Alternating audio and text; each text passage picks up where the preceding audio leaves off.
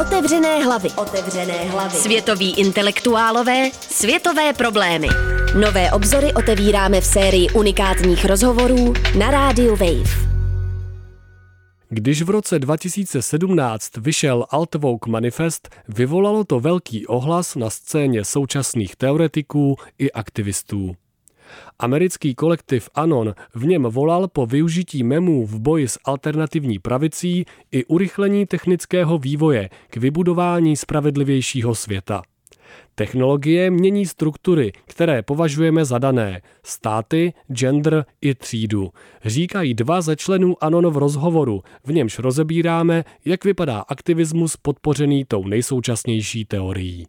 V manifestu Altvouk se potkává filozof Nick Land, francouzská teorie 70. let i nepodmíněný základní příjem. Anon v něm píšou – v dnešním slovníku není žádný všudy přítomnější, otravnější a víc sebestředný termín než vouk. Do češtiny bychom ho mohli přeložit jako probuzený. Je to levice schoulená do klubíčka, která píše zamyšlení o feministických seriálech, zatímco pravici čím dál víc ovládá vzrůstající fašismus. Právě neschopnost levice čelit vzrůstající síle alternativní pravice a pravicového populismu vůbec přiměla kolektiv Anon k sepsání jednoho z nejskloňovanějších radikálních textů posledních let.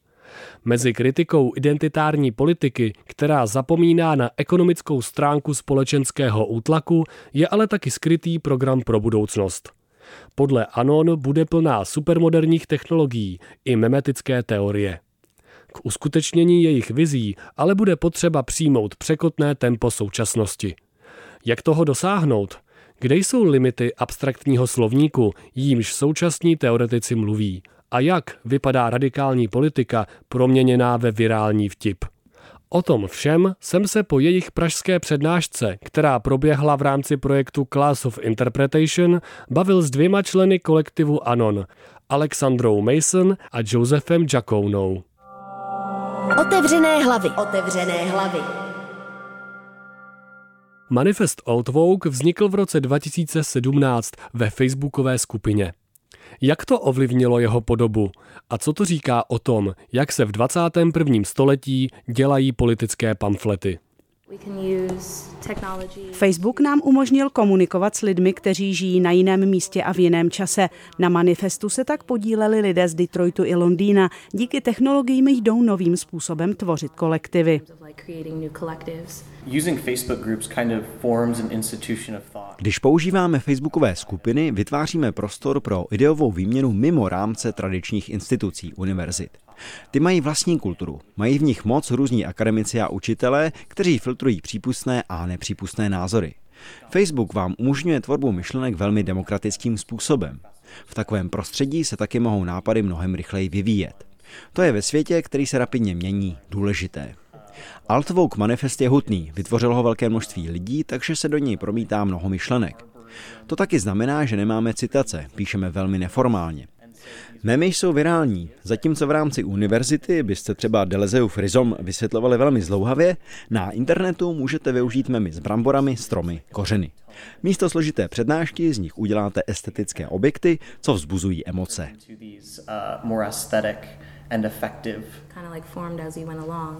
Um, we both had a really grand plan. Neměli jsme žádný velký plán. Manifest vznikal průběžně. Když jsme manifest publikovali, díky internetu jsme navíc mohli sledovat, kde skončí. Nakonec ho lidé sdíleli na Redditu a Forčánu, diskuzním webu, který je asociovaný s alternativní pravicí. A na to jsme pak mohli reagovat. Internet vytváří mezi vámi a vaším publikem rychlou zpětnou smyčku. Je to podobné, jako když Kanye West vydal svoje poslední album Life of Pablo. Na základě reakcí od lidí ho průběžně průběžně a v reálném čase měnil. Když něco vydáte digitálně, nemusí to být konečný produkt. Jaké teoretické vlivy se ve vašem manifestu odrážejí? Je to člověk od člověka. Přesně tak. Kolektiv Anon nemá nějaký jeden společný základ. Každý přicházíme z jiného prostředí. Spojuje nás Marx, ale potom jsme se každý vydali jiným směrem. Někteří to mají podobně jako já. Nejvíc je zajímá Mark Fisher, Jacques Derrida. Já osobně se poslední dobou nejvíc věnuji lingvistice, problémům jazyka. Kind of my foundational theorists would be Marx. Já jsem s Marxem taky začínal. Proto dnes v ANO nejvíc řeším politickou ekonomii internetových sítí a platform. Ale Marx je podle mě důležitý nejen jako ekonom, ale i mediální teoretik. Mluví totiž o utváření subjektivity pracujícího člověka a vztahu strojů s takzvanou superstrukturou, která existuje nad výrobními vztahy a prostředky. To je kultura, umění, ideologie, myšlenková nadstavba.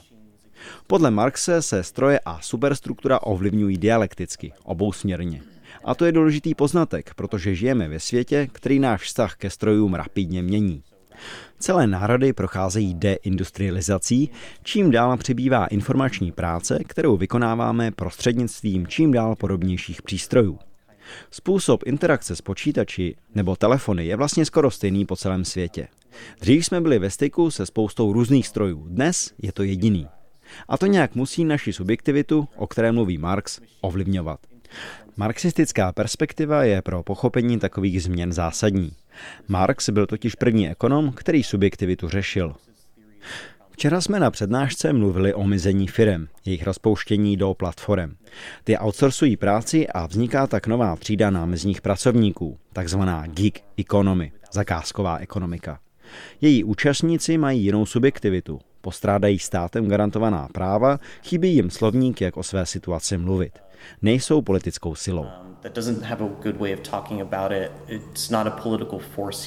Zároveň navazujete na akceleracionismus. Chcete využít technologie ke společenské a ekonomické emancipaci. Jak přesně se to má stát? Um, Technologický vývoj je podle nás tak trochu daný. Technologie se určitým směrem nejspíš vyvinou. A nejde to zastavit. Musíme proto socialismus aktualizovat pro změny, které přijdou. My na kapitalismus nahlížíme jako na systém, který vytváří další stroje a ty pak ovlivňují naši subjektivitu. Naivitu si dovolit nemůžeme. Kapitalismus má totiž s technologiemi svoje vlastní politické záměry. Nemůžeme z něj prostě utéct a říct, tak a teď budeme žít život jinak, nebo tak a teď převezmeme vládu na stroj. Výrobní vztahy jsou totiž do velké míry ovlivňované stroji samotnými. A když se stroje změní, změní se i zbytek systému. Otevře se tak prostor, v němž můžeme definovat novou politickou subjektivitu, nové politické cíle. Bude potřeba nová futuristická perspektiva, inspirovaná třeba vědecko-fantastickou fikcí a hodně plánování.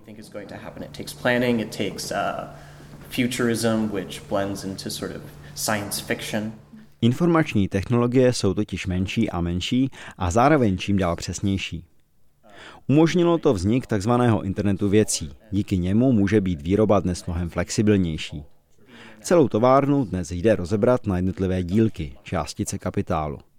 To přesně dělá Amazon se svojí cloudovou službou Amazon Web Services. Už si nekupujete servery, ale platíte za pronájem služby v rámci infrastruktury Amazonu.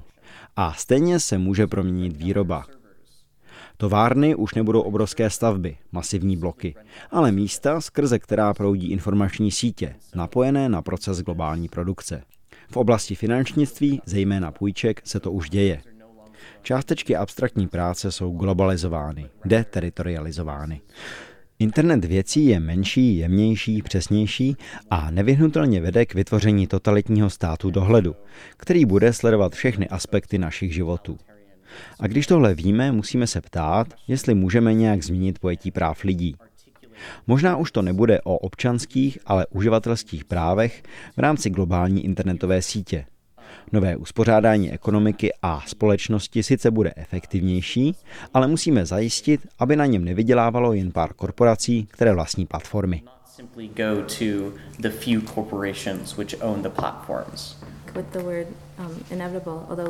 Ještě se chci vrátit k té nevyhnutelnosti. Nechceme tvrdit, že to tak na 100% dopadne, ale když se podíváte na dnešní situaci realisticky, je těžké myslet si něco jiného. Například neoreakcionáři jako Peter Thiel mají velký vliv.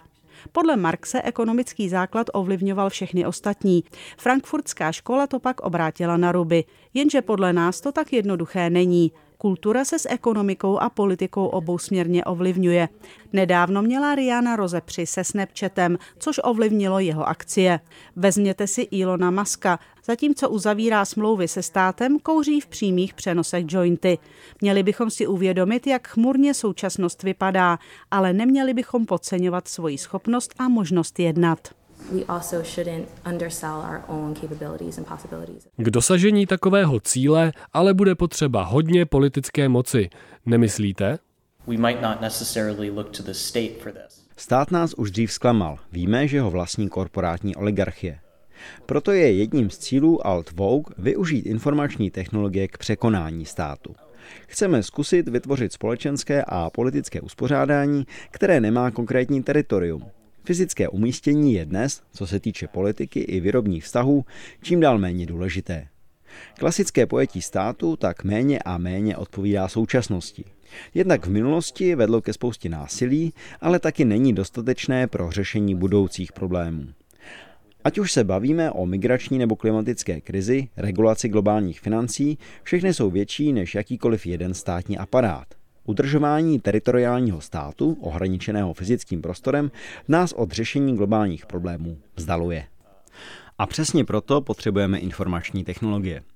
Facebook, e-mail, Reddit a internetová fóra vytváří mnohem horizontálnější prostory. Proč je demokracie o tolik lepší než centrální plánování? Můžete nad tím přemýšlet tak, že v demokracii lépe funguje cirkulace informací. Ekonom Milton Friedman prohlásil, že hlavním problémem socialismu je absence mechanismu pro určování ceny. Tržní cena se totiž určuje decentralizovaně, distribuovaně. Je to vlastně takový počítač. Lidé využívají svoje dolary jako byty, ukládají do nich informace, které se pak propisují zpátky do celého systému. Pro Friedmana je demokracie výhodná hlavně proto, že je to lepší informační systém. Ale demokracie dnes nestíhá, zaostává. Jestli jste viděl slyšení amerického kongresu s Markem Zuckerbergem, víte, že bylo plné starých chlapů, co nikdy Facebook nepoužívali. Nikdy nevytvořili mem a neměli zkušenost s virální sílou internetu. Slyšel jste někdy o revoluci na Redditu?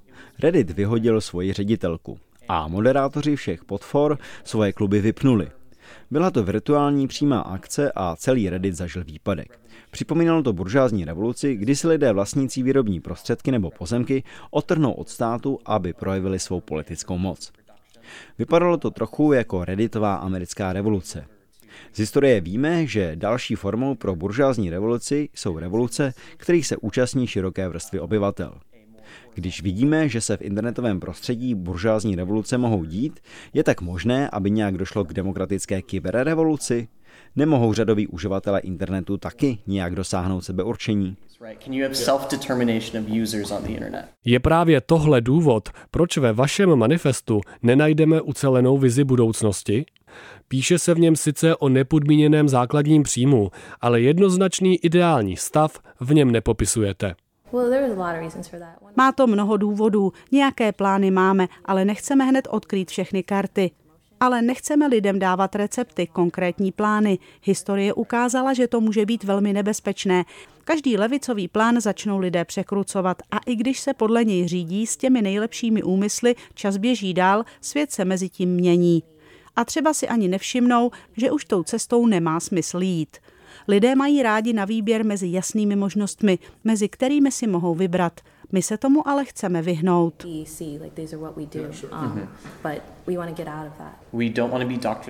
Nechceme indoktrinovat. Ale důležité taky je, že nám nejde o konkrétní legislativní opatření. Jedním z impulzů k sepsání Alt Vogue byl stav levicového hnutí, které ustrnulo v politické minulosti. Pro dnešní americké levicové aktivisty je tím hlavním nástrojem legislativa, kterou pak chtějí skrze demokratickou stranu prosazovat. My chceme ale nejdřív tradiční politické struktury opustit. Jen potom můžeme dělat konkrétní politické kroky. To je praktický důvod, proč v manifestu chybí konkrétní cíl. Dalším ale je, že nový řád se už vytváří sám. Technologický vývoj k němu kráčí, k proměnám subjektivity dojde. A na nás je, abychom si to uvědomili a proskoumali možný prostor pro politické činnosti. Až potom bude dávat smysl mluvit o nějakém ideálním světě. Velká část manifestu mluví o kultuře memů, virálním potenciálu internetu. Jak nejlépe jdou v dnešním společenském klimatu memy a internet aktivisticky využít? Taky chceme, aby se teorie stala memetická. Ve včerejší diskuzi někdo poznamenal, že náš styl psaní je přebujelý. Ale to je dobře. Chceme spojit mnoho různých věcí, vytvořit stylistický jazyk, se kterým je snadné dál pracovat a přetvářet ho. Teorie je často unilá, formální. My ji chceme udělat estetičtější, aby se mohla šířit skrze memy. Memy jsou virální, vysoce estetické produkty. Jak dosáhnout toho, aby měla teorie stejnou sílu? Je hodně filozofických a levicových memů, které jsou ale dost složité. Nevypadají jako žabák Pepe. Ikonický alternativně pravicový mem je velmi jednoduchý, je jako z dětských omalovánek. Mem může být cokoliv. Když Richard Dawkins ten termín vymyslel, netušil nic o lolcats. Ale děje se to i s levicovými myšlenkami. Dobrým příkladem jsou Tenkis. To jsou stalinisté, komunisté, kteří věří v autoritativní vojenský stát. Je to samostatná internetová subkultura, má mnoho memových stránek. Samozřejmě, že stalinisté už jsou tu dlouho. Tenkí jsou mimifikovaná forma starého komunismu. A jsou velmi virální, protože se nebojí urážek, temnoty, překračování společenských norem. Jsou samozřejmě ohromně problematičtí, nesouhlasíme s nimi, ale když se bavíme o tom, jak se alternativním pravičákům a jejich nestydatým metodám a memům postavit, jsou z dobrý příklad. This is kind of that. Altvouk manifest doplňuje i glosář. V něm jde najít abstraktní termíny, jako je apokalyptický komunismus, intersekcionální xenofeminismus nebo ekologicky uvědomělý nihilismus. Je právě tohle ta memetická teorie, o které mluvíte. Ty tři termíny, které jste zmínil, mají obsah. Ale kdybyste chtěli formální myšlenky za nimi nějak předat, museli byste lidem říci. Přečtěte si tyto tři knihy. Podívejte se na dějiny tohohle a ještě si všímejte tohoto. A to není moc virální, není to dost rychlé. Když z těchto velmi formálních ideí vydestilujeme úderné fráze, stanou se estetičtějšími. Jsou to bleskové záznamy formální teorie. Je to pokus, jak teorii dostat v kondenzovanější formě, která má ale pořád spoustu konotací, do internetových komunikačních kanálů. Ty termíny souvisí s technologickým vývojem, který dialektickým procesem mění většinu struktur, které dnes považujeme za dané. Národní státy, občanství, gender, rasu, třídu, firmu. Class, um, the structure of the firm. Ekonomická vize dnešního světa, v níž hrají hlavní roli místo firm platformy, povede k automatizaci managementu. Příkladem nejnovějšího typu automatizace je například služba Fiverr. Je to online platforma, kde lidé za 5 dolarů nabízí své služby. Řekněme, že chcete vytvořit logo vaší firmy nebo něco nakódovat. Na Fiverr přidáte příspěvek a za 5 dolarů vám to někdo udělá. Lidé ze zemí třetího světa, jako je Nigérie nebo Indie, s malým přístupem k pohodlným korporátním zaměstnáním, mohou na takových službách vydělat z jejich pohledu dobré peníze. Zároveň tím ale podkopávají pozici prvního světa v informačním průmyslu. Stejně jako dochází k automatizaci továren, to stejné čeká kancelářská zaměstnání v prvním světě. Místo klasických úvazků bude přibývat lidí v prekarizované pozici. V tom se shodujeme s filozofem Frankem Biffem Bernardem, který ve své knize After the Future po budoucnosti, používá termín prekarizovaná budoucnost. Všichni budou v globálním měřítku platformami redukováni na námezní pracovníky. Kapitalismus se obrátí proti prvnímu světu a pozdře ho. To je ten apokalyptický komunismus, o němž mluvíme. Váš manifest je velmi kritický vůči současné levici. Jaká její selhání ho nejvíc inspirovala? Takzvané masy už nejsou relevantní politickou entitou. Lid, pracující, národ, etnikum, to jsou komunity, které vznikly z konkrétních podmínek a mediálních ekologií. Marxistické masy se zrodily z továren, které vytvořily společnou subjektivitu. Jakmile došlo k přechodu ke kancelářským zaměstnáním a službám, došlo k specializaci práce v rámci vertikální struktury. A už s ostatními nezdílíte stejnou subjektivitu, nemůžete se tak snadno organizovat na společném základě. Jste mnohem větší individualisté. Z toho vychází společenská kritika odcizení, kterou jsme mohli pozorovat v devadesátkách, v Matrixu, Klubu rváčů a všech dalších filmech o open spaceovém utrpení. A přesně v té chvíli přestává být komunismus na západě přesvědčivý. Už nemáte lidové masy, dnes žijeme ve velmi kmenových zemích. Vím, že Česká republika má podobný problém s populismem, jako je v Americe i jinde. Vznikají jakési politické kmenové spory a to jak mezi státy, tak uvnitř jich samotných. Kdo vůbec do nějaké komunity patří, se rozlišuje podle komunikačních a mediálních prostředků. Levice přitom na starých pořádcích, strategiích masové politiky stále staví. Řeší autonomní prostory, ale na fyzických místech už se politický střed tolik neodehrává. Možná bychom měli spíš řešit na dráhy finančních spekulací distribuovanou výrobu. Snažíme se zjistit, o co má vůbec smysl v politice usilovat. Když jsme v roce 2011 byli na Occupy Wall Street, vypadalo to jako poslední vzdech masové politiky. Zdálo se to nové. Hnutí bylo organizované online, vzniklo od spoda, začalo se virálně šířit. Policie nebyla připravená na takové množství lidí a podařilo se nám proniknout až na Wall Street, před budovou burzy Nasdaq. Jenže jsme nemohli přijít na to, co teď. Protože to nefunguje tak, že prostě vyjedete do mrakodrapu, najdete kapitalismus a ten svrhnete, rozbijete a vrátíte se domů do komunistické společnosti. Slyšeli jste poslední díl ze série Otevřené hlavy. V něm jsem si povídal s Alexandrou Mason a Josephem Jacounou z kolektivu Anon, spoluautory vlivného Altvouk manifestu. Díky, že jste s třetí sezónou otevřených hlav zůstali až do konce. Příští rok se můžete těšit na nové díly, v nichž opět potkáte ty nejsoučasnější teoretiky a teoretičky. Naslyšenou se těší Ondřej Trhoň. Otevřené hlavy. Otevřené hlavy.